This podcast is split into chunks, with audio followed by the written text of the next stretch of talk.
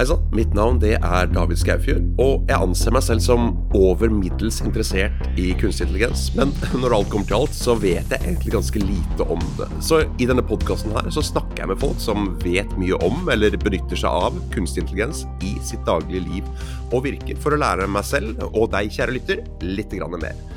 Og, og, i denne podkasten her så har møtet mitt med KI, eller AI, så langt vært av det mer sånn pragmatiske slaget. Hva kan jeg bruke det til? Men i dag så skal jeg snakke med en uh, forsker som kanskje har en litt mer sånn teoretisk eller en innfallsvinkel som kommer fra den andre siden. Og da har jeg fått med meg Rebekka Olsson Omslandseter, som nylig tok doktorgrad ved Universitetet i Agder, og lidenskapelig opptatt av datavitenskap. Hun har bakgrunn innen elektronikk og tok bachelorgrad ved UiA i 2017 med en påfølgende mastergrad i informasjon og kommunikasjonsteknologi i 2020. Forskningsinteressene hennes inkluderer automatisert læring, klassifisering, mobilradiokommunikasjon, analyse av kraftnett og signalbehandling. Eh, velkommen, Rebekka. Tusen takk. Først og fremst må jeg stille deg spørsmålet KI eller AI? Ja, det er et godt spørsmål, da. Hvis man liksom eh, Fordi hvis man går på Google og ser på søketrendene på Google, så er det en helt klar vinner, og det er jo liksom AI-begrepet. Og det slår både søket på artificial intelligence, kunstig intelligens og KI. Men når det er sagt, så så jeg at KI liksom Det har begynt å gå oppover, sånn at søketrenden er at den er stigende på begrepet KI, da. Så det betyr jo kanskje at det er det som begynner å bli det liksom eh, trendy begrepet på det, da. Eh, er, det, er, det, resultatet fra google.com eller google.no, eller er det differensiering der? Nei, det er statistikk som Google samler inn da, på, ja. på liksom Google-søk, sånn totalt sett i Norge, da. Men uh, det, det, du som er på universitetet, uh, hva, hva, hva, slags diskusjoner har dere rundt det? Hvordan omtaler dere dere i fagbeskrivelser i timene etc.? Ja, det er et veldig godt spørsmål, fordi altså, jeg er jo så vant til å bruke AI, uh, sånn at det er jo helt innarbeida hos meg. Så jeg bruker jo AI-begrepet og kommer sikkert til å synde på det hvis jeg blir bedt om å bruke KI-begrepet, da. Mm. Eh, men i hvert fall i mange av de faga som vi nå skal ha, da, hvis de går på norsk, så blir oversettelsen også KI. Så ja. da må jeg venne meg til å bruke KI når jeg skal undervise i de fag. Ja, nettopp. Uh, er, det, er, det, noe press fra Språkrådet? Er, er, er, de involvert i akademia på noen som helst måte, eller bare kjører det på som dere selv vil? det er jeg usikker på, egentlig. Mm. det, det vet jeg ikke. Men i hvert fall så hvis man liksom tenker på hva Språkrådet er opptatt av, så, så vil de jo gjerne ha eh, liksom norske ord på ting. Så derfor mm. skjønner jeg jo at liksom kunstig intelligens med, med liksom forkortelsen KI da, kanskje ja. liksom kommer til å bli the shit, liksom. Um, the shit er det også noe Språkrådet Ja, det er det, det, er det som kommer til å være min store liksom, forbannelse, er jo at jeg sier feil ord til feil tid. Eh, ja. Og ikke er så flink med ord, egentlig, når jeg skal snakke og sånn. Så Men, blir det ofte at jeg eh, sier at uh, noe er en ting, eller Ja. Jeg er ikke så god på sånt, så det, det blir jo interessant. Eh, altså, hvordan ser hverdagen din ut som forsker? Eh, for de av oss utenfor akademia, eh, hvor, hvor, stor del er undervisning og formidling av ph.d.-en din? Hvor mye sitter du med hvit labfrakk og, og med nesa i en bok? Hvordan ser hverdagen din ut? Ja, altså jeg kan liksom si én ting, og det er at man leser utrolig mye ja. på den doktorgraden. Så det er utrolig masse lesing. Eh, men vi sitter ikke med sånne hvite labfrakker. I hvert fall ikke gjør vi Altså vi som forsker på kunstig intelligens, gjør ikke det i hvert fall. Vi går i vanlige klær. Eh, men vi er veldig opptatt av datamaskiner, da. Så vi sitter ofte foran datamaskinen eh, mm. og tester ut liksom nye type ideer som vi har med programmering av nye typer dataprogrammer, og også leser om andre sine ideer rundt nye dataprogrammer. Da. Men altså, det man også gjør mye av, det føler jeg er at man må eh, snakke med folk for å liksom få ut de gode ideene. Så man møter mange eh, i ulike sammenhenger, og så har man ofte da en sånn eh, ja, ganske nerdete samtale om hva de gjør, kanskje. Og så får man kanskje noen ideer til hva, hvordan type oppfinnelser man selv kanskje kunne funnet på, da, innafor kanskje noen av de oppskriftene som man selv forsker på, da. Hva slags Så, programmeringsspråk benytter du av da, eller hva er liksom arbeidsverktøyene dine? Ehm, jeg bruker jo Python som programmeringsspråk mye til å programmere disse såkalte algoritmene. Ja. Men jeg har også brukt Matlab til å liksom lage simuleringsdata for mobilbrukere da, ja. til doktorgraden min. Så det var jo også et verktøy som jeg har, eh, har brukt. da.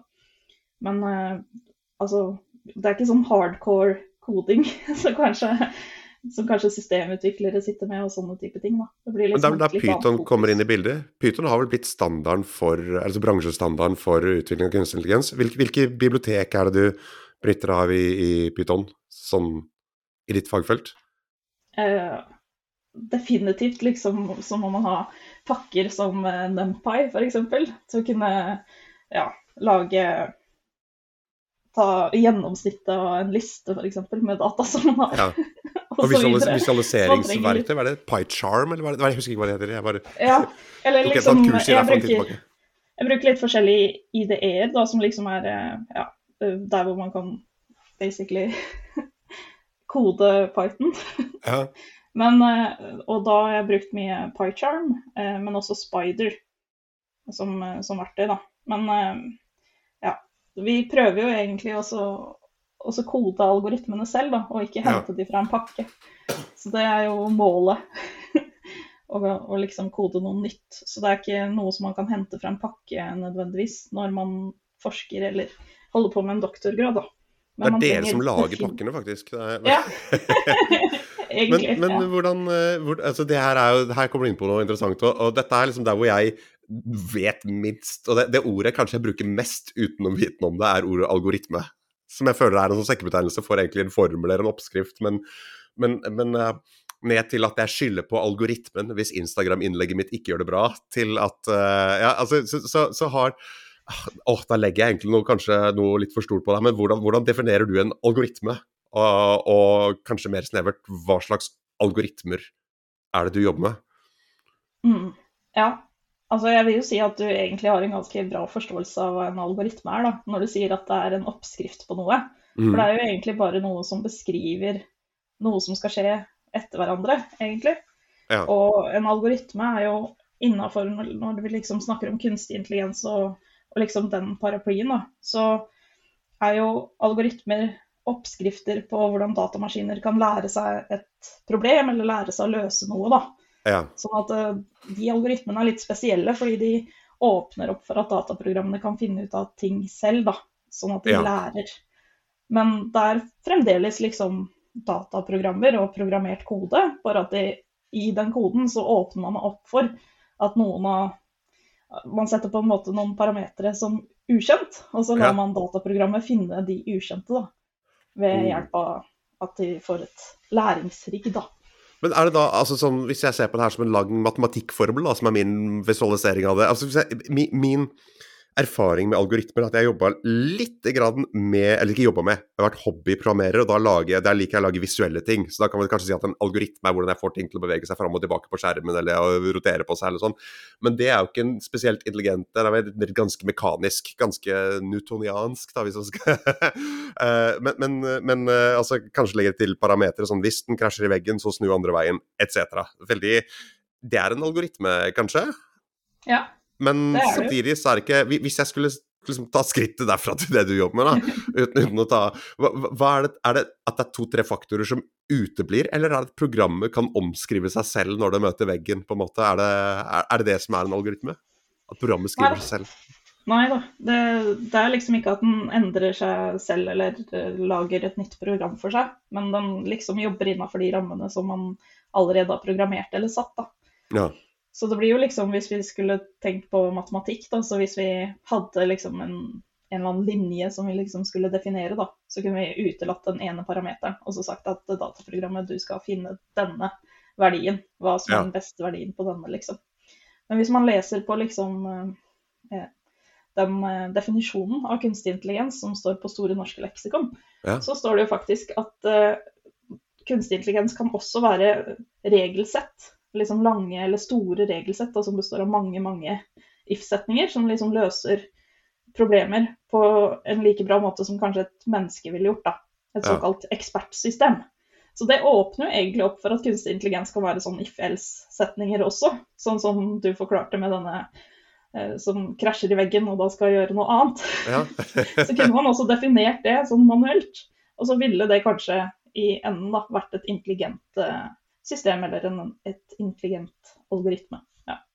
Ja, for, for det, altså sånn Man har den der markøren eh, fra omtrent et år siden, da ChatGPT etc. ble, ble allemannseie, ble husholdningsbegreper, og, og hvor man sier at man er inne i AI-æraen der. I hvert fall så er det sånn media i stor grad forholder seg til det, men samtidig så har det jo vært forskning på kunstig intelligens siden 50-tallet etc. På, på diverse datalabber rundt omkring i verden. Eh, så det er noe som gradvis har vokst frem. Og, og jeg husker mitt første møte med kunstig intelligens sånn jeg Eller hvis en if-else-setning er kunstig intelligens, så har jeg vært eksponert for kunstig intelligens på veldig lavt nivå Ja. uh, hele livet. Men, uh, men jeg kan huske det var et program som het Eliza, som liksom var en psykolog. et psykologprogram som liksom hadde som formål å passere Turing-testen ved å lure og det var ganske jeg husker at jeg ble eksponert for det sånn rundt 1990, og da var det sikkert program fra 70-tallet. og det var Du kunne chatte med den, og så svarte den egentlig bare, hvis den ikke skjønte hva du sa, sa den hm, 'interesting, tell me more'. ja, Men så plukka den opp et par ord og spurte om det, og så huska den og, og, og påpekte Ja, det, det, ganske, men det var, det var egentlig ganske et enkelt program, for jeg husker at det var laget til basic, i hvert fall den versjonen jeg testa, så man kunne gå inn og se, og det var egentlig bare et hva skal jeg si, et uh, litt mer omfattende if else-program, uh, egentlig. Så, uh, men, men når vil du Altså, når fatta du interesse for kunstig intelligens? Du kom fra elektronikk og programmering, gjorde du det? Var det sånn du Ja. fant veien inn? Så jeg tok først en elektronikkbachelor Ja. på Universitetet i Agder, og så begynte jeg å liksom snuse på noen fag som man kunne ta litt sånn ekstra, som Ja. handla om maskinlæring og kunstig intelligens, da. Og da husker jeg at eh, når jeg da liksom fikk programmere min første sånn kunstig intelligens-algoritme, da, Ja.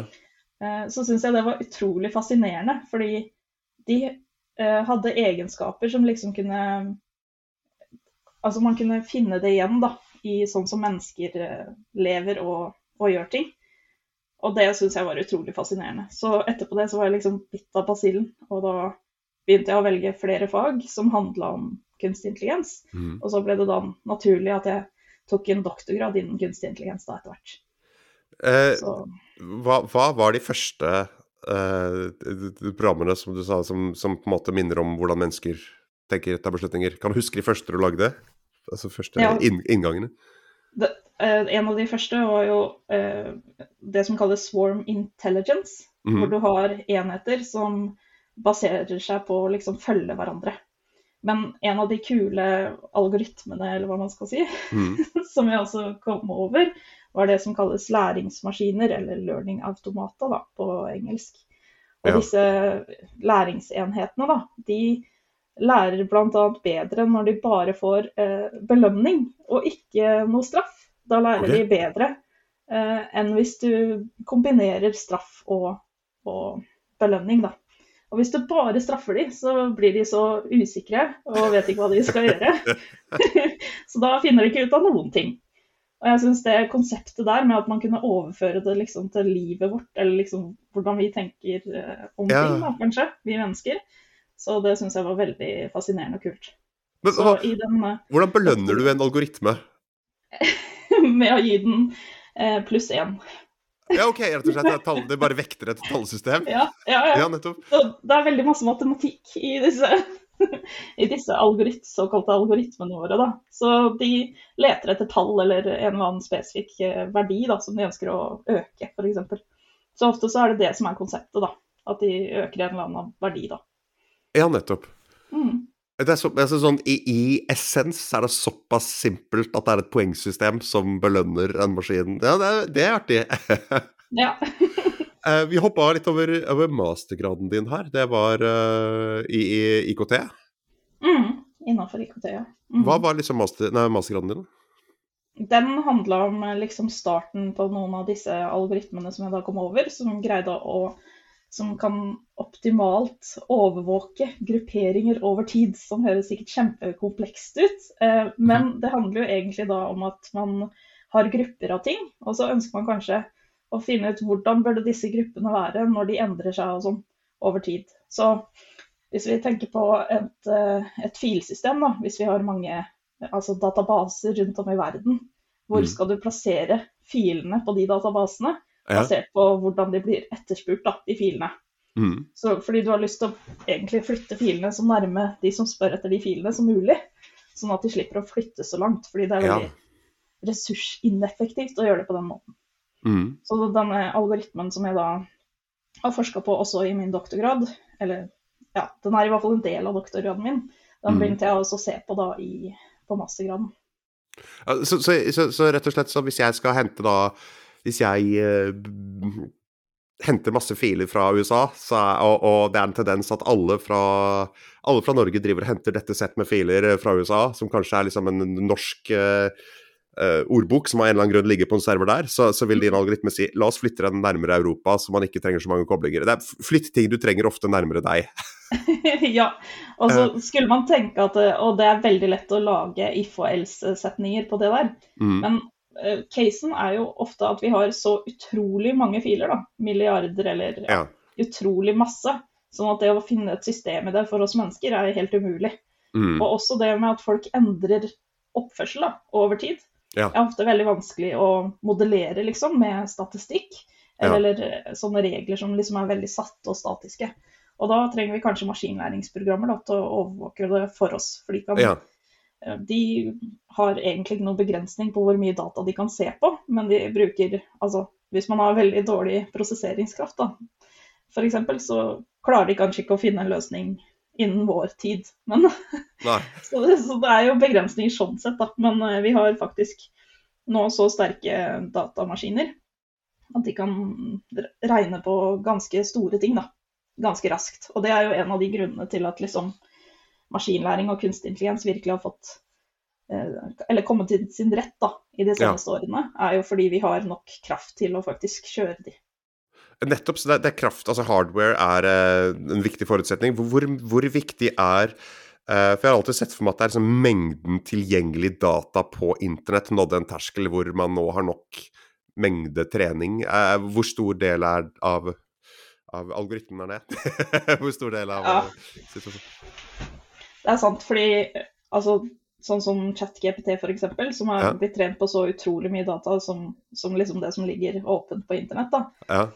Det, det, er ganske fascinerende at, at, språk kan være så um, ja, ha så klare regler, da, at maskinlæring eller kunstig intelligens klarer å finne ut liksom Ja, lære seg språk da, på en så god måte at den klarer å Basert på hva et random spørsmål, da, kan faktisk svare ganske klokt på det, da. Ja. Altså, OpenAI har jeg skjønt er litt sånn Det er sånn paradoksalt, for de er jo ikke åpne i det hele tatt. Det er jo fullstendig lukka. Det er ingen som har innsyn i den algoritmen der, er det det? Nei. Nei. Uh, og, og, det er jo, så vidt jeg har skjønt også, så er jo det spørsmålet Bør man open source kunstig intelligens uh, eller ikke? Og, og, det bringer oss inn på liksom dette med etikk, da, som jeg tenker er en, kanskje en stor del av de Eller er etikk en stor del av ditt fagfelt? Eh, ja, det, altså, det, er det jo helt klart. Fordi man kommer alltid opp i situasjoner eh, når man driver med algoritmeutvikling hvor man egentlig må tenke over hvilken effekt har, har dette her, da. Ja. Egentlig. Men eh, altså Fordi det er veldig vanskelige spørsmål ofte som kunstig intelligens bringer på banen. Mm. Så det er jo vanskelig å ha de riktige svarene eller den riktige forståelsen av hvordan ting burde være, eller, eller sånn, da. Hva slags etiske Med tanke på åpenhet, ja? så har det jo vært veldig mye Altså, i dette feltet så har det generelt vært stor åpenhet rundt disse metodene som man kan lage. Mm. Men samtidig så er det jo når noen skal levere et, eh, en service eller noe du kan kjøpe, så vil man jo gjerne holde tett til bristet hvordan man faktisk har gjort det, sånn at man har noe som er unikt, da. Og det blir jo det, det blir jo samme som med teknologi at all teknologi vet man jo heller ikke hvordan eksakt liksom sånn, Hvis man skulle kopiert det eksakt hvordan noen hadde gjort det, så hadde man kanskje ikke klart det, fordi man har ikke nok informasjon til å få det til. Nei. Og samme blir det med kunstig intelligens, da. Uh, er det Altså, du snakker om dette med maskinkraft. Har dere liksom store, store servere på UiA? Leier dere utenlandske? Hvordan fungerer det i praksis? Vi har store supercomputere på Universitetet i Agder. Ja. Og nå skal vi faktisk få enda større maskiner nå etter hvert. Ja. Så da kommer vi til å ha supermasse datakraft på Universitetet i Agder. er, er, det mulig liksom på noen måte ta, Hvordan ser en supercomputer ut? For mitt bilde av det er en sånn servekjelle fra TV-serien eh, Silicon Valley, hvor de har en, en million eh, GPU-er, altså grafikkprosessorer, liggende, eh, og masse vifter. Er, er, det, er, det en, super, er en supercomputer bare en masse grafikkort uh, seriekobla? Ja. Basically. Ja, nettopp. Ja, sånn Så bildet mitt stemmer? Ja. Har dere navn på maskinen og sånn? Uh, det tror jeg faktisk vi burde hatt. Liksom, ja. sånn, litt sånn spesialnavn på de forskjellige ja, serverne man kan bruke. Men det har vi ikke, da. De har bare sånn, veldig sånn programmeringsnavn, egentlig, tror jeg. Ja, nettopp. Uh, jeg, var i, jeg var jo jeg oppvokst på, på Fevik uh, utenfor Grimstad. Eller jeg er født i Oslo, men oppvokst på Fevik utenfor Grimstad. Min far jobba på Agderforskning, som er rett overfor uh, rett over gata fra der jeg tror du sitter nå, eller ved siden av. Men, eh, men jeg var på, på Universitetet i Agder, og det het HIA, Høgskolen i Agder. Og da hadde de supercomputer i kjelleren, og det var rett og slett bare et jævla stort magnetbånd i 1990. bare, de hadde sånn 800 megabytes harddisk eller noe sånt som var unikt i Norgessammenheng. Jøss, yes, ja. Og en dobbel ISDN-linje. så det har kommet seg siden den gang. Ja. Uh, eh, disse, ja, Vi var inne på det med etikk. Eh, hva slags etiske problemstillinger kan du møte når du f.eks. Eh, snakker om denne type filoptimalisering og, og logistikk, da, som er slik jeg skjønner prosjektet? Ja, det, det, er jo det som gjør det så vanskelig. da. Hvordan skal man egentlig relatere det til, til det virkelige liv, eller sånn etiske problemstillinger i det virkelige liv? da. Mm. Og ofte så når man eh, lager algoritmer, så lager man jo egentlig eh, bare en metode. Så hva du bruker metoden på, kan ja. egentlig være hva som helst. Sånn at jeg må jo da åpne opp for at den metoden kan brukes på, på hva som helst. Så mm. den kan jo også brukes til å Den trenger ikke å gruppere filer, som er ganske sånn Det er jo ikke noe menneskelig. Men Nei. den kunne også blitt brukt til å gruppere mennesker. Ja. Og da kommer man jo inn på helt andre problemstillinger. For hvilke type eh, grupperinger skal man ha lov til å lage? Ja. Så nå kommer det jo eh, denne AI Act som jobbes med. Og vi er jo Altså, det kommer jo til å komme retningslinjer, men mm. vi vet ikke helt eksakt hvordan de implementeres i f.eks. Norge ennå, da. Nei. Men de vil jo adressere sånne type problemer, da. At man f.eks. ikke kan lage kunstig intelligens som bruker kjønn skjønn som en input-parameter, eller mm. etnisitet. Ikke sant. Og det, det, er jo Dette er jo interessant, for at alt som kan brukes til noe positivt, kan brukes til noe negativt. Et våpen kan brukes til å, å gå på jakt og skaffe deg mat. Det kan også brukes til å drepe et menneske. Altså det, og, og en algoritme som det der kunne optimalisere sikkert trafikk, og så bruke til sortering av folk i konsentrasjonsleir. Altså det er, det, mm. det er jo For mekanikken er Ja, det er akkurat det. Den er rent mekanisk. Men mekanikk har jo ikke noe iboende etikk. Så, så man må pakke den rundt. Og den AI Act, er det altså Det som er interessant med det, det er at hvis vi følger den, så er det ikke sikkert Det er jo ikke tatt for gitt at liksom ja, Nå skal jeg ikke nevne noen land eksplisitt, for jeg vet ikke hvor Det er kanskje et land man ville vært i krig med, da, på andre siden av mm. verden. Det er ikke sikkert at de er interessert til å følge de samme retningslinjene. Og da har man jo en slags sånn derre eh, Grunnen til at man ikke bomber hverandre med atomvåpen, er bare at begge sider har det, og begge er redd for at den andre skal bruke det, så derfor holder man Så det, det, det, jeg vet ikke, jeg babler bare. Men det er, det er eh, jeg, jeg, vet ikke helt hva jeg spør om, for det er jo det etiske landskapet her så ny, nyopptråkka, i hvert fall for min del. Mm. Hvordan, hvordan, forholder dere dere til som forskningsinstitusjon når en AI Act kommer? Er, dere, er, det krav? Er det anbefalinger? Nei, jeg vil jo tro at det kommer en del krav. Eller jeg håper i hvert fall det. Fordi det som har vært, er jo at mange av disse, sånn som ChatGPT, da, ble jo bare liksom åpnet til verden uten at noen hadde godkjent det. Eller liksom sånn Det er jo bare noe som ble gjort, liksom. Ja. Her er her er, dette verktøyet. Ja. Nå må dere deale med liksom konsekvensene. Barna mm. deres lærer kanskje ikke så bra lenger, fordi de bruker bare ChatGPT, liksom, men, ja. men sånn er det nå.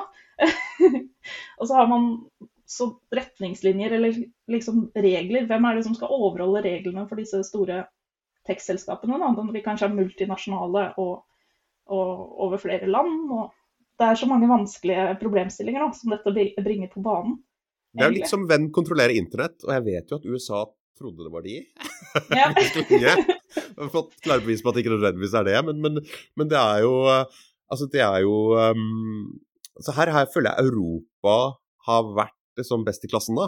Med, å, med, med GDPR og, og, med noen form for reguleringer. Og samtidig så er det hver gang jeg bruker Gmail, så er jo det innom en amerikansk server, og da hvem som helst der kan Altså pga. det, det, så vidt jeg har skjønt, da, Patriot Act, som vil si at hvem som helst i CIA eller hvor som helst kan bare åpne all mailen min hvis de bare påstår at de mistenker meg for terrorisme. Og da er mm. det liksom, siden jeg har vært innom USA, så kan de bestemme det. Så, så all internett som blir ruta via USA, da er det opp for grabs. jeg vet ikke om min forståelse av internett er riktig, men det er i hvert fall den der populærkulturelle forståelsen av internett jeg forholder meg til. Uh, lett informert. Men, men det er jo, dette er jo en ny problemstilling samtidig basert på en eldre problemstilling. Hvem styrer internett? Det er det hvem styrer mm. kunstig intelligens. Og, og, da folk begynte å snakke om reguleringer, og vi må sette AI, sånn opptrening av AI på pause i seks måneder, så var jo motsvaret det gjør vi ikke, for at Kina kommer ikke til å gjøre det. Og ja. da er de plutselig farlige. mm. ja. Har du kontakt med internasjonale forskningsmiljøer her, eller sitter man liksom litt på sin lille tue når man sitter på sånne såpass spesifikke forskningsprosjekter som det du gjør? Nei, Vi har veldig godt samarbeid med forskjellige forskningsinstitusjoner rundt om. Andre universiteter og forskning, eller forskere da, ved andre universiteter. Ja. Eh, så man har jo et veldig internasjonalt samarbeid rundt forskning da, på kunstig ja. intelligens fra sånne tradisjonelle institusjoner som et universitet er. Ja. Men samtidig så har man jo det med at nå er jo mye av forskninga Den blir jo også gjort hos eh, altså ikke hva heter det, ikke-nøytrale institusjoner, eh, sånn som ja. eh, OpenAI og Microsoft og, og, Google og sånne type ting. Da. Så mye av forskninga er jo flytta til liksom, kommersielle aktører, som er en litt ty ny type ja. verden, da, som man ser ja. kanskje innenfor kunstig intelligens uh, nå. Og da får man jo ikke den samme åpenheten, kanskje, om hva som er kommet fram til. Nei. Fordi at forskning skal jo i utgangspunktet komme menneskeheten til gode. Ja. Men så skal det jo sies at disse teknologigigantene også er flinke til å dele, dele mye. For eksempel, de er, det, ja. Eh, ja. Er det humane hensyn, er det, eller er det at de selv har noe igjen for det? Jeg vet ikke egentlig hva som veier tyngst. Kanskje det er en kombinasjon egentlig av de ja. to. Det tingene som de ofte deler, er jo funn de har gjort da, mm. på, på, nye metoder.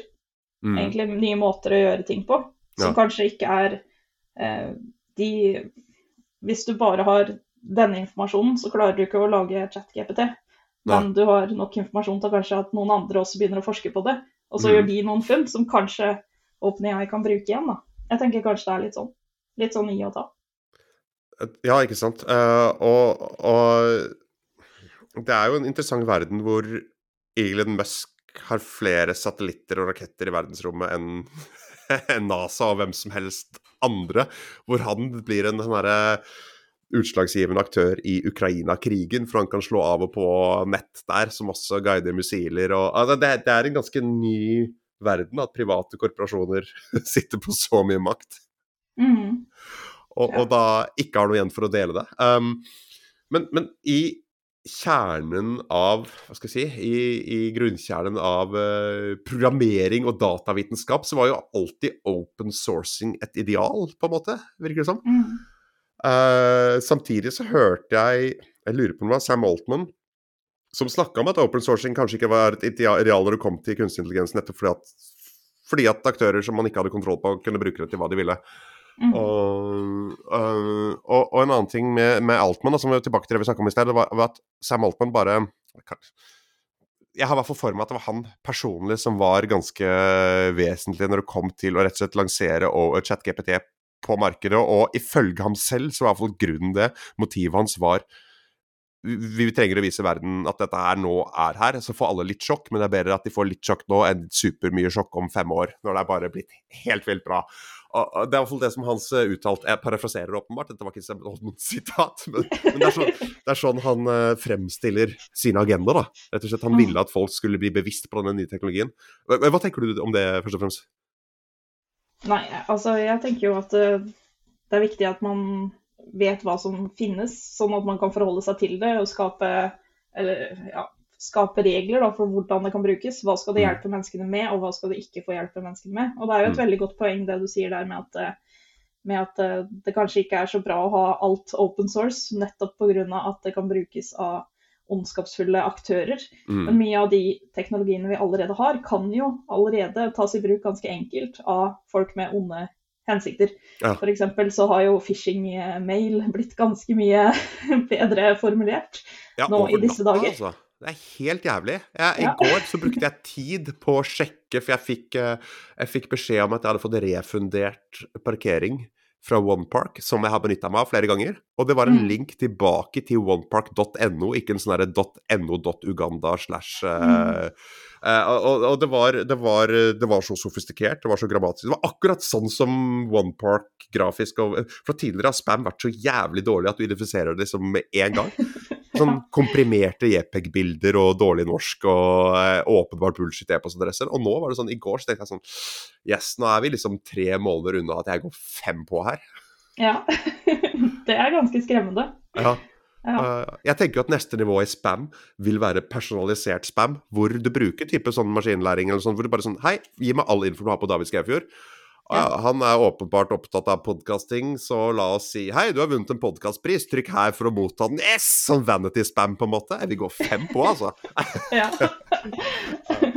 ja, det er veldig Altså, det er egentlig ganske skremmende, fordi vi har så mye informasjon om oss på mm. internett. De aller fleste har det, i hvert fall. Og den informasjonen kan jo brukes til nettopp det. Å liksom lage personaliserte ja. eh, lurefeller, egentlig. Og også det at vi sitter og prater her nå, da, i en ja. podkast, eh, med tanke på at AI nå eh, kan generere vår stemme ved hjelp av bare en liten sample, egentlig, av vår stemme. Det er jo også litt skummelt. For det kan jo brukes til uh, svindling, det også. Plutselig ja. så ringer du meg opp og ja. forteller meg om et eller annet som jeg må gjøre. og så tenker jeg ja, han David han har jeg møtt og snakka på podkast med, så, så, så klart gjør jeg dette. Sånn at det er en veldig stor Altså det, vi kommer til å liksom bli slått av en sånn eh, ja, lureribølge pga. disse typer teknologiene, tror jeg.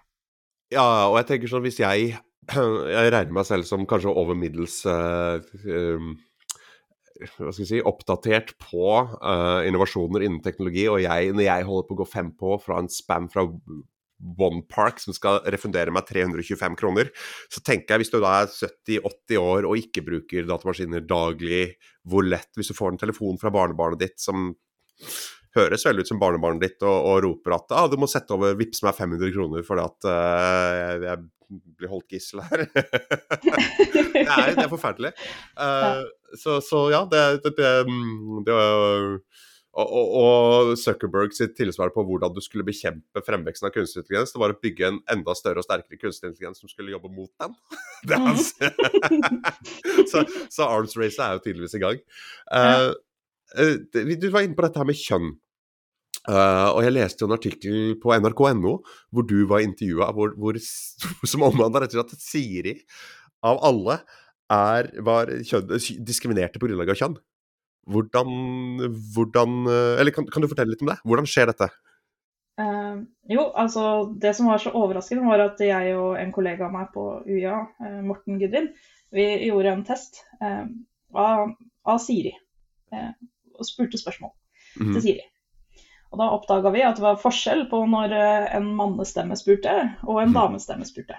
Og så kan man jo spørre ja, men men hvis dere brukte forskjellige mobiler, så har jo dere forskjellige preferanser ikke sant, på, ja. på, enten mann eller dame. Men det vi gjorde da, var at jeg prøvde å spørre med menn sine telefoner. Ja.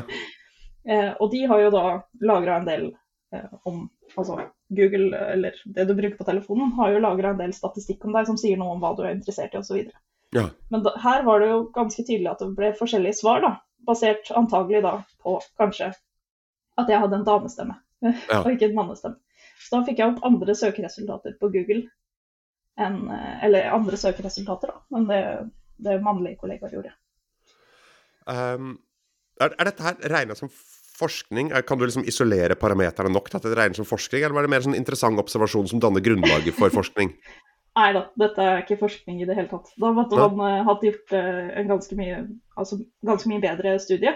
Men ja. vi syns det var uh, egentlig ganske oppsiktsvekkende at vi så at det var, var litt sånn. da. Fordi at det som overraska oss mest, var liksom sånn når jeg da søkte hva burde jeg studere, ikke sant? eller spurte det med stemmen min, hva burde jeg studere? Og jeg da får opp tradisjonelle dameyrker, kan du si. da. Ja. mens kollega får opp da lege, psykolog og liksom sånne high end yrker, da. Eh, ja. Som ofte kanskje, i hvert fall historisk sett, kanskje har vært mest besatt av menn. Så mm. blir jo det Altså, teknologi tenker man jo at skal være nøytralt. Ja. Men i praksis så er det jo ikke nøytralt. Og det er ingen som har sagt at det uh, satt en sånn if-el-setning om at uh, her skal du behandle damer og menn uh, ulikt. Det er det ingen som har gjort. Men essensen av denne disse mekanismene, da, hvor vi ja. lar datamaskinene lære seg ting, så vil de jo fange opp liksom egenskaper som kanskje kjennetegner menn mer enn damer, og damer mer enn menn. Mm. Rent sett bare på egenskapene, eller hva de liksom Søkeord osv. At det er, det er, basert på det. Det er liksom ikke basert på eh, ja, nå hører jeg skjønn eh, dame, så da skal du svare på denne måten. Det er ofte ikke sånn, men eh, pga. disse ja, algoritmene, da, ja. så vil man få sånne skjevheter. Som kanskje, som kanskje, i hvert fall når ting er basert på historisk data, det er ofte det vi lærer av, så er det kanskje ikke representativt for liksom hvordan vi ønsker at uh, framtida skal være. da. For hvis man ønsker at framtida skal være annerledes enn sånn den historisk har vært, så er kanskje ikke liksom historiebøkene de beste referansene for hvordan vi ønsker at det skal være framover. Altså, de har ganske triste historiske hendelser som eh, vi har bak oss, og som faktisk også skjer i dag. Triste, triste saker. Sånn at uh, historien er jo liksom ikke den beste fasiten, vil jeg si, da, for hva vi ønsker at framtiden skal være. Nei, det kan være en negativ fasit. og har, Vi har liksom 5000 år med slaveri bak oss. Hvis en skulle brukt mengdetreninger fra det, sånn der uh, ah, Du er tilhører det folkeslaget. Du vil kanskje foretrekke å jobbe som slave, rent statistisk. Ja. uh, altså det, det er, men, men, kan man da si at For dette syns jeg er superinteressant. Og dette er jo helt nytt for meg, men kan man si at er, er algoritmen diskriminerende, eller er algoritmen refererer bare til statistikk, og statistikken er diskriminerende? Altså, hvor ligger, hvor ligger feilen, og hvor ligger korrigeringa? Mm. Ja, jeg tror ikke det er noen som faktisk har svaret på det egentlig ennå. Men det som er eh, greia, er jo det at ofte når, når, vi snakker om dette, da, så sier folk at ja, men algoritmene de er bare basert på statistikk. Mm. Sånn at de representerer sånn som ver verden virkelig er. Mm. Men det man har sett i tester av sånne type algoritmer, er at de kanskje har en tendens til å bli mer fordomsfulle, fordi at de tar eh, shortcuts. Mm. Og det er jo en utfordring, fordi at da, selv om datagrunnlaget ditt kanskje har 50-50 eh, damer og menn eh, som lege eh, generert ja. som bilder, f.eks., så, så kanskje den plukker opp på noe som gjør at det er lett for den eh, å, å, gjøre en gjøre en annen vurdering da, i hva ja. den genererer. Jeg så det så. var noen som brukte eksempler på Altså, jeg, de, de, første som I den første nybølgen av kunstig intelligensbruk eh, som jeg ble eksponert for, så var det veldig mange som artister eh, som var veldig negative til Midjourney Dally rett og slett for det var så sinnssykt bra. Og det var en sånn kampanje som gikk ut på at de hadde spurt den sånn bare Hei, vis meg en sykepleier, vis meg en uteligger. Og så da sett på fordommene i disse bildene, basert på hvem som var sykepleier, hvem som var uteligger, hvem som var uh, rusmisbruker, etc. Og det var en klar bias. Vis meg en grisk person, vis meg en uh, tyv, viste meg en, uh, en helt. Og, og, det var sånn Ja, helten var plutselig en hvit superheltmann, ikke sant? Altså, det er, det er, et, det er et, bias i det der. Og, og, og, så blir det også de der, Så er det jo folk som reagerer på disse korrigerende tiltakene. At den liksom skal eliminere at du føler at du får et uh, Ja, det blir det samme som kvotering, da. At det er liksom uh, argumentene for er veldig åpenbare, og så er det veldig lett å, å, å vokalisere argumentene mot også. For at da mener man at med diskriminering i motsatt rekkefølge, så er det kanskje ingen som har gullstandarden på svaret rett etter at teknologien er kommet. Hva, hva, hva, hva var liksom konklusjonen deres i denne Siri-saken? Nei, altså Forskere er vel veldig dårlige på å konkludere, er det ikke det? Men å påpeke ting som kanskje ja. burde vært annerledes, det var vel konklusjonen, eh, konklusjonen på det. Og det er flere som har gjort undersøkelser på akkurat det som du nevner, med å generere f.eks. bilder som mm. spesifikke ting, og så se hva den har en sånn eh, tiltrekning til. Og da er det jo helt tydelig i mange saker at det, det er ofte, ofte et veldig lite representativt utvalg da, som genererer bilder av i mange tilfeller. F.eks. Ja. på dommere. Det var vel et eksempel fra som Bloomberg hadde gjort, med 5000 bilder eller noe sånt. Mm. Hvor de hadde generert bilder av dommere, da. I, ja. Og dataen er jo trena på, eh, for det meste, som jeg skjønte, data fra USA. Og der ble bare 3% av damene generert som kvinner, selv om de representerer liksom 34 av dommerne eh, egentlig, da. Det, altså den reelle, ja. eh, prosenten er liksom 34. Hva, hva vil du og si er, jo... Altså, det, er helt, det, er jo helt horribelt. Og det jeg lurer på, bare sånn i kjølvannet av det, som, hva er en god, godt korrigerende tiltak? Hva, ok, hva vil du si? Og jeg, jeg, forventer ikke at du skal ha noen fasit på det. Jeg bare har lyst til å spørre deg. Burde det være at den genererte 34% kvinner? Eller burde det være at den genererer 50% Ja, det blir jo nesten et sånt eksistensielt uh, spørsmål, da. Ja, ja. Fordi det, det, som, uh, det som ofte er argumentet, er like mange uh, bilder som du putter inn av den enkelte klassen, da, mm. vil være det som er representativt når modellen liksom skal gjette videre i framtida. Ja. Men så er det jo ikke alltid sånn, og da må jo vi som mennesker da, ta stilling til hva som er riktig andel prosent å generere. Og i den sammenheng så er det jo også interessant å tenke på hvem er det som velger ut hvilken data disse modellene skal trene på. Ja. For de kan jo ha en intensjon. Ja, så hvis, hvis, jeg hadde hatt en veldig stor intensjon da, med å eh, lage veldig mange damer, f.eks., for mm. i forskjellige yrker, så kunne jeg hatt uh, overrepresentert damer i min treningsdata til den modellen. Mm. Som gjør at man kan, man kan jo tune ting litt også, men samtidig er det viktig at vi husker på denne med dette med at den kanskje tar eh, shortcuts, da, som gjør at den kanskje blir enda mer fordomsfull eller stereotypisk enn det ja. som er eh, faktisk statistikk i dag også, da, i ja. treningsdataen som den har. Så det må vi jo være observante på, og vi må vite om disse problemstillingene. Og jeg har jo også snakka med kollegaer som, som bruker eh, ChatGPT og disse tekstgenereringsverktøyene. Mm. Og den har jo trent da på mest amerikanske data, og kanskje verdisettet som vi nordmenn kan Eller eh, som, eh, som, noen kjenner seg igjen i, da. Mm. Men det er kanskje ikke representativt for andre deler av verden, som det ikke er henta like mye data fra. Nei. Så et middagsselskap kan se ut helt annerledes, hvis det skal forklares, da, med ChatGPT, som kanskje ikke eh, en person fra Amerika hadde reagert på. Ja, mm. dette er en uh, riktig forklaring av hvordan et middagsselskap ser ut. Ja. Mens i, uh, i, en annen del av verden så ville det kanskje ikke vært representativt for et middagsselskap i det hele tatt. Og så er det da, skulle det egentlig vært en balanse. Burde den hatt uh, svart sånn at det liksom var nøytralt, mer nøytralt. Men hva er nøytralt? Ja.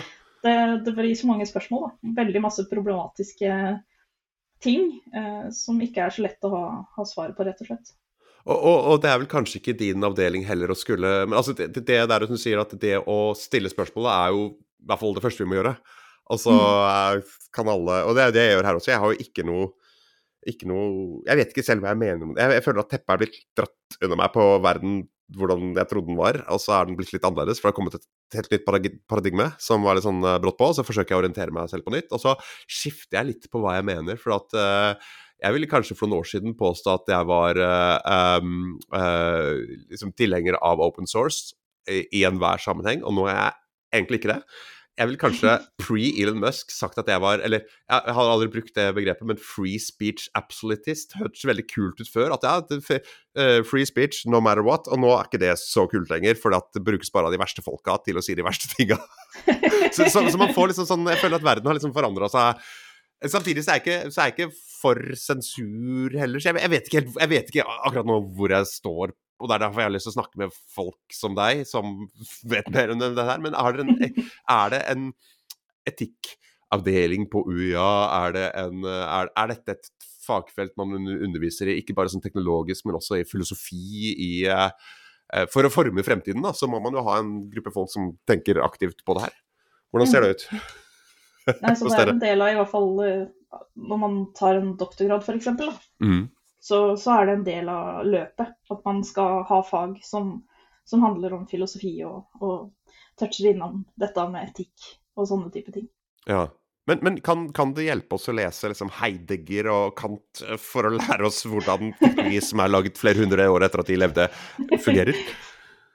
Ja, det er et godt spørsmål. De hadde jo veldig mange smarte tanker som vi viderefører for some reason, men, ja. men det er veldig godt poeng at uh, vi vet kanskje Vi er veldig flinke til å se tilbake. Han sa mm. det, han sa det. Uh, men vi er ikke så veldig flinke til å se, tenke hva burde vi si nå, uh, i Nei. den verden som vi står i akkurat nå. Vi har ikke så mange gode sitater. Eller vi har kanskje noen gode sitater også, men, men, vi er veldig flinke til å se bakover, føler jeg, og ikke se akkurat her vi er nå. Du, kanskje det er en Kanskje det er liksom, for Man snakker jo alltid om at, at, arbeidsplasser forsvinner med kunstig intelligens, men kanskje det, det, skapes et nytt fagfelt av filosofer? At det blir så behov for ja. en kraftig etikk- og filosofiavdeling? Ja. Um, og det er jo eh, Kanskje det skulle være det influensere skulle begynt med? Med sånne filosofi-influensere som, eh, som, snakker om det her. For, eh, hvor, hvor, god vil du tro maskinen er til å hvis, altså, Det er jo naturlig å spørre ChatGPT om å lage noen etiske retningslinjer rundt her. Hvor, hvor, god tror du maskinen vil være på etikk, hvis det er det som er uh, hvis, vi, hvis vi begynner å trene opp algoritmene, etikkalgoritmer? Er det noe de kan fikse? Vi kunne sikkert lagd en etikkbot mm. som kunne svart på etiske spørsmål. Den ville jo vært veldig, veldig basert på historiske data igjen, da. Siden mm. det er det vi har eh, å fòre den med. Mm. Så det er jo en utfordring i seg selv. Og disse store språkmodellene, da, grunnen til at de kan generere ting som, som liksom Ja, dette er jo sant om Henrik Ibsen, eller dette er eh, er riktig, så er det ofte fordi at den informasjonen er skrevet såpass mange ganger da, at den har blitt signifikant i når modellen har blitt lagd. Um, sånn at kanskje den da ville fanga opp på etikk som fantes på, på internett, som var skrevet mange ganger. Og så ja. tenker man ja, når det er skrevet mange ganger, det er liksom definisjonen på at da er det riktig. Ja, ja. så det kunne jo kanskje vært, eh, vært en idé å teste og lage rett og slett en sånn gigastor etikkbot som kunne hjulpet oss i disse problemstillingene som vi står i, pga. kunstig intelligens. Som ja. hjelper oss å, ja, å takle seg sjøl, på en måte. ja, ja, ja. Um, men um, jeg er ikke sant outsource etikken for drift av kunstig intelligens til kunstig intelligens. Jeg tror vi også vil få noen etiske innvendinger på det. ja, det, det, tror jeg også definitivt. Jeg kom på hva influensere burde kalle det, forresten. Etikk-tok. TikTok, ja. det er bare å begynne med med en gang. Ja, var, hvis et, dere kidsa som sitter og hører på Damer og Ai med Rebekka her, begynn med TikTok. ja. Du, hvordan er, hvordan er uh, liksom, først inne på det med kjønn, hvordan er liksom kjønnsbalansen uh, på, på UiA? Altså, jeg har jo for meg at grunnen til at det er en viss bias, er at det er mye hvite menn som har utvikla disse algoritmene. Altså ikke nødvendigvis prøvd å få det til å bli prioritere dem, men at er utvikla med et sett med preferanser og, og basert på f.eks. gjenkjenning av billeddata, hvor hvite menn tar bilde av seg selv og Ikke sant? Jeg hørte at de første, første billedgjenkjenningsalgoritmene uh, var liksom rasistisk, uh, visstnok. Ja. uh, hvordan er kjønnsbalansen på UiA, eller i fagfeltet ditt generelt? Jeg tror nok at den er eh, Altså, det er, ikke, det er nok færre damer enn det er eh, menn, i hvert fall. Mm. Altså, Bare på ingeniørutdanning, da, som liksom var min vei inn til dette her, så jeg tror Krono har vel skrevet en artikkel om det en eller annen gang som jeg leste. Mm. Og de, da var det vel rundt sånn 20 20% på, søk, ja, på søkelista til ingeniørutdanning som var, eh, var damer. Um, og det er jo altfor lite, egentlig. Og ja. på statistikk innafor eh, data og kunstig intelligens, så har jeg sett alt fra 16% til 26 ja. eh, Og at det tallet er jo helt umulig å eh, altså bestemme, fordi det er så mange som jobber kanskje innafor eh, programmering eller, eller, liksom et veldig sånn stort felt, da. men så jobber mm. de kanskje ikke med selve utviklinga av teknologien. Og hvis man ser på liksom forskninga eh, på kunstig intelligens, da, så tror jeg det var en sånn statistikk på at det var mindre enn 14% av hovedforfatterne eh, som var kvinner i, på forskning, liksom. Sånn at ja. vi har jo Det er nok en underrepresentasjon av noe, i hvert fall. Innenfor både forskning og, ja, og kunstig intelligens, da, som kanskje påvirker nettopp det man ser da, med disse ulike At det, ja, at det er en bias eh, der, rett og slett. Hvordan øh, opplever du det at det har vært siden du begynte å studere i når det var? På 20, du tok første bachelorgrad i 2017, hvis du begynte å studere i 2014 rundt der. Ti år siden, da. Hvordan har det utvikla seg siden den gang? Ser du noe annet på dine studenter? Jeg har ikke noe gitt statistikk på det. det har jeg ikke. Men jeg syns at trenden er at uh, nå, nå, er det ja, åpent for at man har mer mangfold, da mm. innenfor eh, utdanningene, og også innenfor jobbmarkedet. Da. Og mm. det er jo bra, tenker jeg da, i utgangspunktet. Ja. At, uh, både det, fordi det er veldig viktig at de som utvikler teknologien, at de egentlig har et så bredt spekter av tanker eh, ja. som mulig når de skal utvikle teknologien. For det, jeg tror ikke på eh, å skrive ned en setning om at her skal vi være eh, Vi skal lage løsningene våre sånn at de treffer alle. Eh, det å skrive en sånn setning, det tror jeg ikke har seg, fordi man må ha noe som kommer naturlig. Da. Og da må man ha det mangfoldet, egentlig, ja. i utviklinga av teknologien. For det, jeg tror ikke det kommer naturlig. og det, Jeg har et sånt eksempel som jeg pleier å dra. og det er Hvis man ser for seg eh, Man skal bygge verdens fineste dør, ja. rett og slett. Og, og, hvordan ser den ut for deg? Eh, min dør er liksom blå og kanskje litt sånn kongelig looking. Men hvis jeg da begynner å spørre hvordan kunne man kommet inn den døra hvis man ikke kan se, eller hvordan kommer man inn den døra hvis man har rullestol, mm. osv., så, videre, så så tenker man å ja, den døra jeg så for meg hadde kanskje ikke de speksa, for det tenkte jeg ikke på, fordi det kom ikke naturlig for deg. ikke sant. Mm. Og sånn er det også samme med eh, sånn som når man er ute og går da, i byen f.eks. Eh, apropos dører. At man kanskje tenker, tenker jo ikke over de hvor ville man kommet inn med en rullestol her i, i Kristiansand by eller uh, her på Fevik? uh, hvis man ikke sitter i rullestol selv, så har man ikke den utfordringen. Man, man tenker ikke på det som en, som en del av en greie. da. Nei. Og Derfor tror jeg at det er viktig at man må ha mangfold på, på alle mulige måter når vi skal utvikle teknologi som faktisk er noe som, som berører alle. da. Mm. Det tror jeg er litt viktig. Ja, Uh, jeg syns det er veldig interessant hvordan veldig mye av teknologi som vi omgir oss med til vanlig, er utviklet av folk på spekteret. Uh, hvordan du har en sånn fremvekst i Silicon Valley av, uh, av uh, hva heter det, nevro, nevrodiversitet, hvor, hvor, veldig mange med Asperger-diagnosen f.eks. tradisjonelt sett har trukket til utvikling. Hvor bl.a. verdens største sosiale nettverk er utviklet av en person med åpenbar Asperger. Elon Musk er på spekteret etc.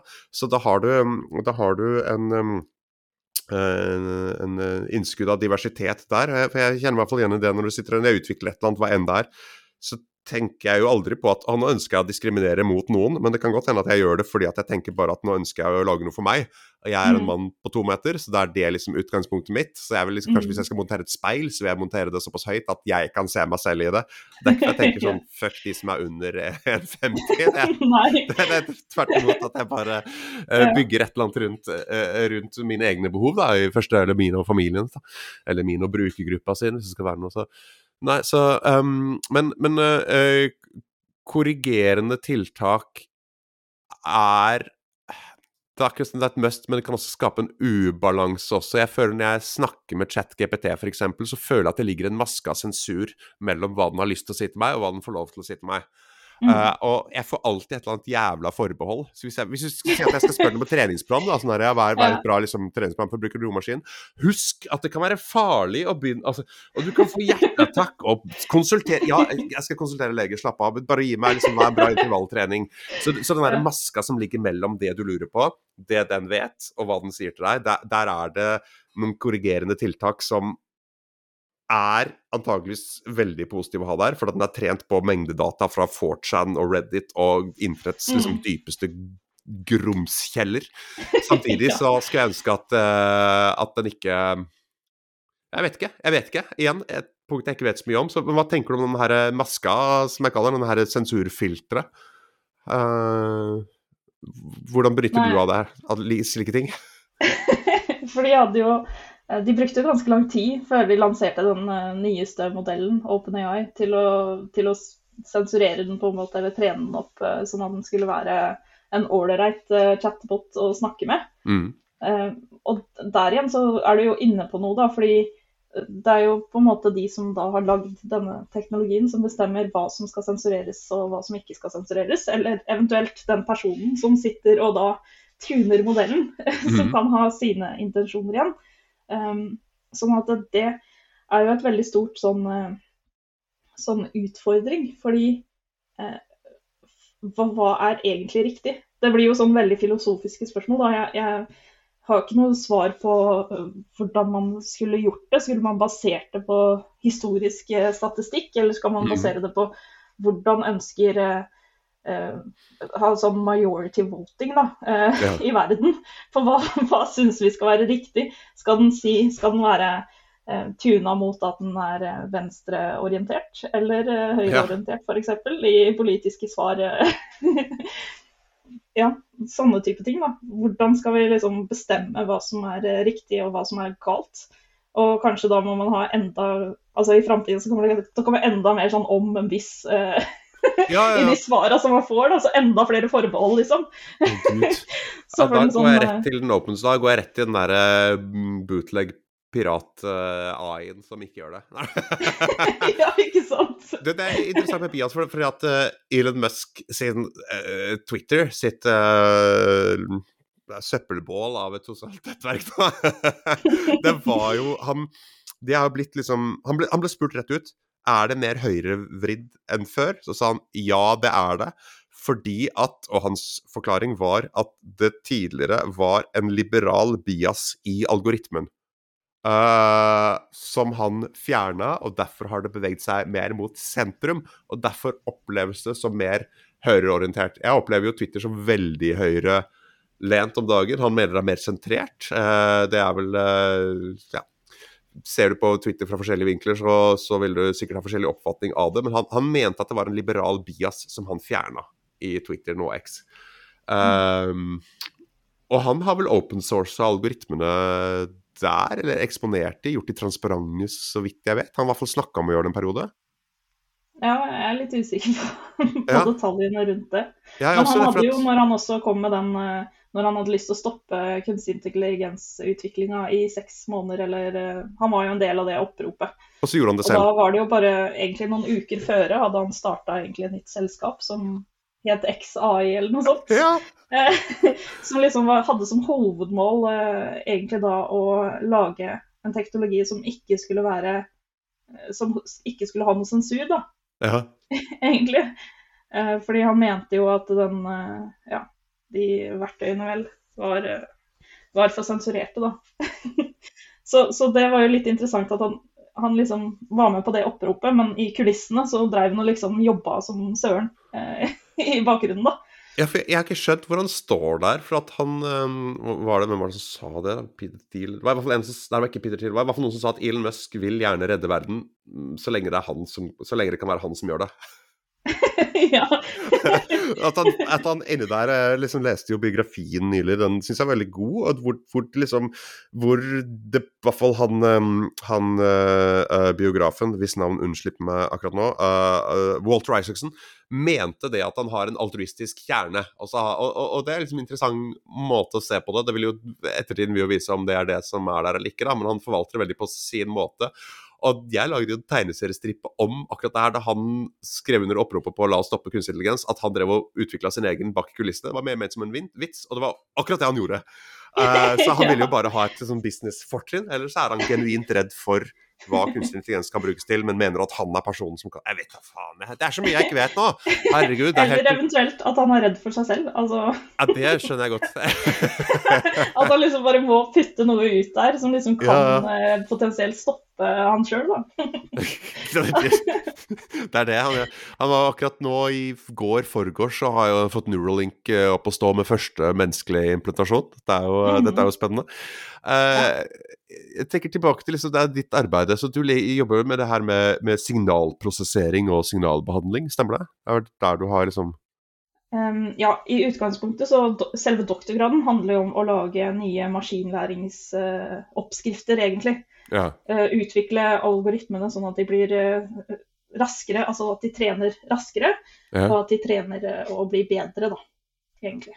Så det er liksom hovedfokuset til doktorgraden så har jeg gjort i hovedsak da tre, tre ting. Jeg har jobba med en algoritme som kan gruppere ting.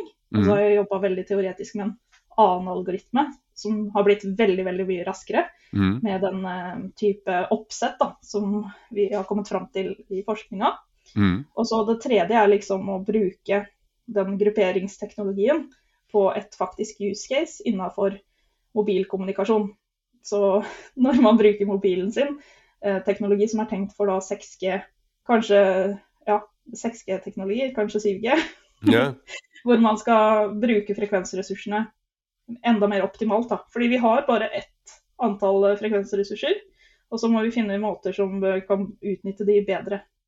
Ja. Og da innafor eh, det segmentet der, så fant vi ut at eh, denne grupperingsalgoritmen som vi da hadde, kunne brukes til å gruppere mobil brukere i et mobilkommunikasjonsnettverk. da på en optimal måte. Så, så, du lagde rett og slett en, sorterings, en, kø, en sorteringsalgoritme? Det var det det starta med, og så bevegde dere Ja, eller uh, grupperingsalgoritme. Gruppering.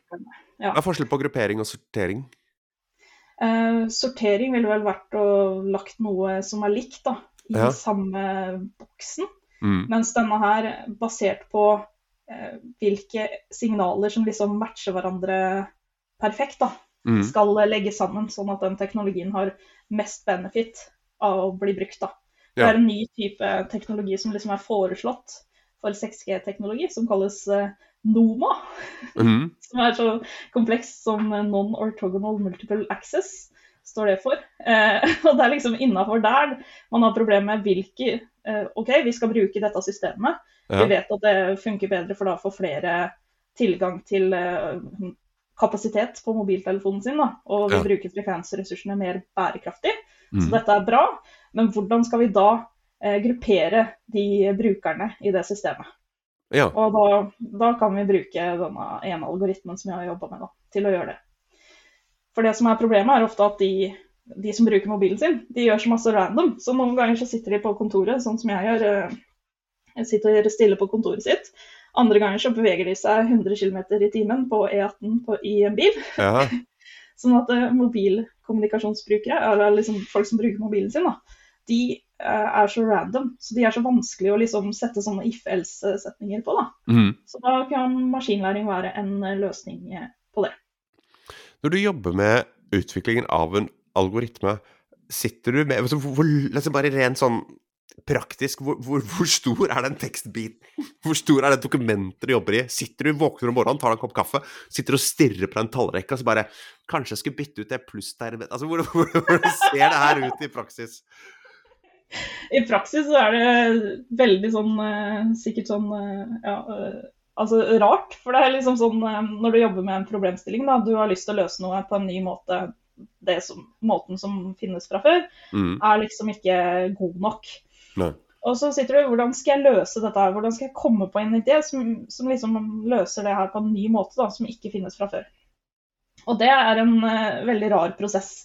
For det er ofte sånn at du da, i hvert fall for min del, så ligger jeg ofte på natta, eller våkner på natta. Og da får jeg helt uh, utrolig liksom, brighte ideer på mm. hvordan dette her kan løses. Så da jeg måtte begynne å skrive det ned, for jeg har en tendens til å glemme det da når jeg våkna igjen på morgenen. Og hadde jeg løsninga? Altså, jeg hadde Det er en veldig sånn rar følelse, da. Ja, ja. Og så bare sånn Å, shit. I natt så løste jeg dette problemet. Jeg hadde den ideen, liksom. Hva var den ideen?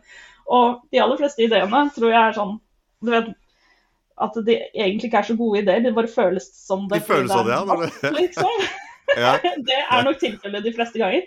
Men noen ganger så har det også vært løsninger på eh, i programmeringskoden eller selve ja. oppskriften på algoritmen som bare sånn Ja, det var faktisk en, en, en løsning på det. For hjernen går jo liksom og kverner på disse problemene hele tida. Ja. så, så, du vet liksom ikke når uh, løsninga kommer. Uh, man vet jo at den ikke kommer foran en skjerm, for min del i hvert fall. Uh, den kommer etterpå. Altså jeg, eh, så der, eh, jeg, jobber med litt andre ting, men kjenner meg veldig igjen i den prosessen. og At den der logiske kretsen oppi hodet ikke slutter å jobbe. Og at det kommer når det Altså det, det er grunn til at begrepet 'å sove på det' Uh, har røtter i virkeligheten. Da. For det er, det, er, det du gjør. Du går og legger deg og sover på det, så våkner du med løsninga, eller står opp midt på natta og har løsninga. Og som du sier, jeg, jeg er også sånn blokk ved siden av senga, og jeg står opp og så bare Du! Og så skal jeg fortelle samboeren min Vet du hva, jeg løste, jeg løste liksom uh, Ukraina-konflikten i natt. Jeg bare Å, gud, så står det 42 Eller altså det, det er ofte ikke noe, men hvis det, er, hvis det er en historie jeg ligger og tenker på, øh, jobber med å skrive, så, så er det plutselig sånn Det er der, ja. Det er det den mm. karakteren ville gjort. Det er det. Og det er artig hvordan det enkelte ganger funker, og det er gøy å høre at liksom, algoritmen den um, lever i beste velgående i hodet ditt på nattestid. ja. uh, du, hvordan, hvordan er, Hvilke verktøy Nå sa jo det at du brukte deg, benytter deg via Python og, og um, et eller annet visualiseringsverktøy, hvis jeg har glemt noe. Men hvilke, hvilke kunstig intelligens-verktøy, om noen, benytter du deg av i arbeidet ditt? Om det så bare er ChatGPT eller notatverktøy? Ja, jeg bruker jo ChatGPT ganske mye, da. Jeg syns mm. det er veldig gøy å eksperimentere med ChatGPT. Ja. Nesten som en sånn derre Ja, liksom forskeren i meg, da. Jeg syns det er veldig gøy å, å, å, å chatte med den. det er nesten blitt en hobby. Ja. Uh, ja, uh, altså det er litt interessant uh, at du spør om, fordi jeg har jo doktorgradsavhandlinga mi. Mm. Den handler jo om noe helt nytt. Noe som ingen har skrevet om før. Mm. Så hvis man da prøver å spørre etter svar da, på hva ja. man burde skrive i den avhandlinga om det temaet, ja. da blir det bare rør. Ja, Såkalt hallusinering fra ChatGPT. Mm. Så det er jo Altså, man kan ikke bare ta det som den sier for god fisk. Så hvis man eh, ikke har peiling på noe, så er det en veldig dårlig idé kanskje å spørre ChatGPT om å forklare det til deg. Hvis du ikke faktasjekker den informasjonen etterpå. Det ligger faktisk også på ChatGPT en sånn disclaimer nederst i bunnen, som kanskje ikke oh, ja. alle har lest. Ja. Hvor det står at uh, den kan produsere i ukorrekt fakta, eller hva det står mm. på engelsk der. Sånn at det, For veldig mange bruker det jo faktisk et slånt uh, til oppslagsverk da, og til å lære seg fakta, fakta, om ting, som kanskje kan være litt skummelt.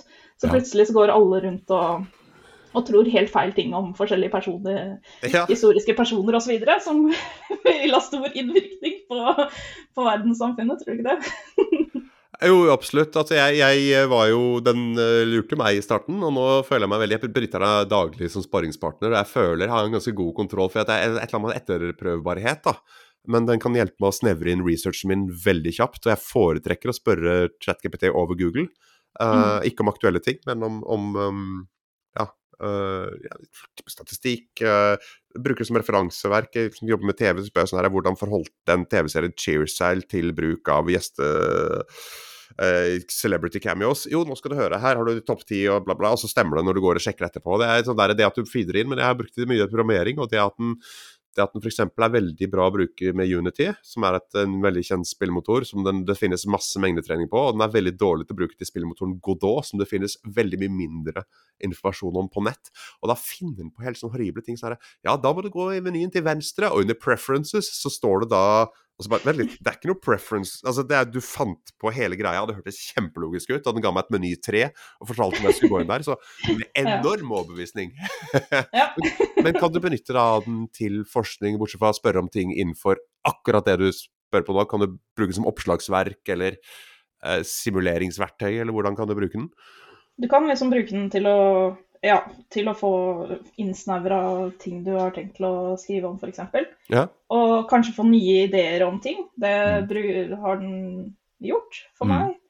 Eh, Så det er jo disse type tingene. Og hvis man har plussabonnement, så får man jo tilgang til en del andre kule features. Så man kan lage sin egen, eh, sin egen bot basert på egne data som du laster opp, f.eks.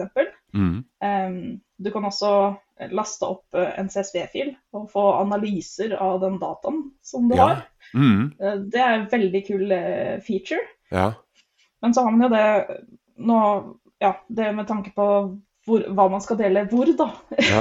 At kanskje mange bedrifter i Norge og sånn, de trenger kanskje en mer personvernsikker eller sikring av informasjonen sin, da. Enn liksom den vanlige default-versjonen av ChatGPT, da. ja.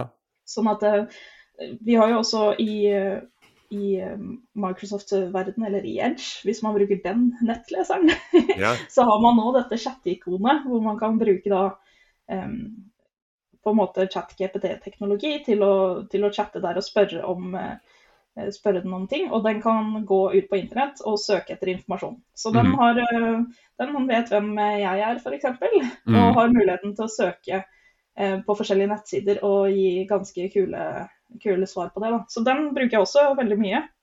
For den syns jeg er litt kul, siden den går ut på internett, søker rundt, og noen ganger får opp veldig overraskende nettsider som den har gått inn på for å finne informasjon. ja. Så hvis du spør om et firma, så har den kanskje vært inne på Finn og sett på en, en, en jobbannonse da, som det firmaet har, f.eks. Så litt sånn spenstige, spenstige Ja. måter den eh, søker på, internett på. Eh, Så jeg syns det er veldig kult, for da, der får du også opp referansene til hvor den informasjonen som kommer med, er henta, da. Ja, ikke sant. Uh, det er jo eh, Altså, etterprøvbarhet altså Kildekritikk er jo viktigere enn noen, noensinne. Du, du som forsker er jo godt rusta for det, for alt dere gjør er å være kritiske til dere selv og stille dere selv spørsmål. tar jeg feil nå. Men, men det er ikke alle som gjør. er det noen andre altså Da bruker du, du bruker liksom ChatGPT og Bing eller Microsoft Edge sine eh, eh, Bruker du noen notatverktøy, Notion eller uh, hva som helst? Eller noe til uh, bilder i Du, mater du ph.d.-en din inn i, i ChatGPT og får den til å renskrive den, f.eks.? Nei, det har jeg ikke gjort. Men det kan den jo brukes til. Den er veldig god på å skrive ting bedre eller enklere, eller sånn som du ønsker at tekst skal være, da.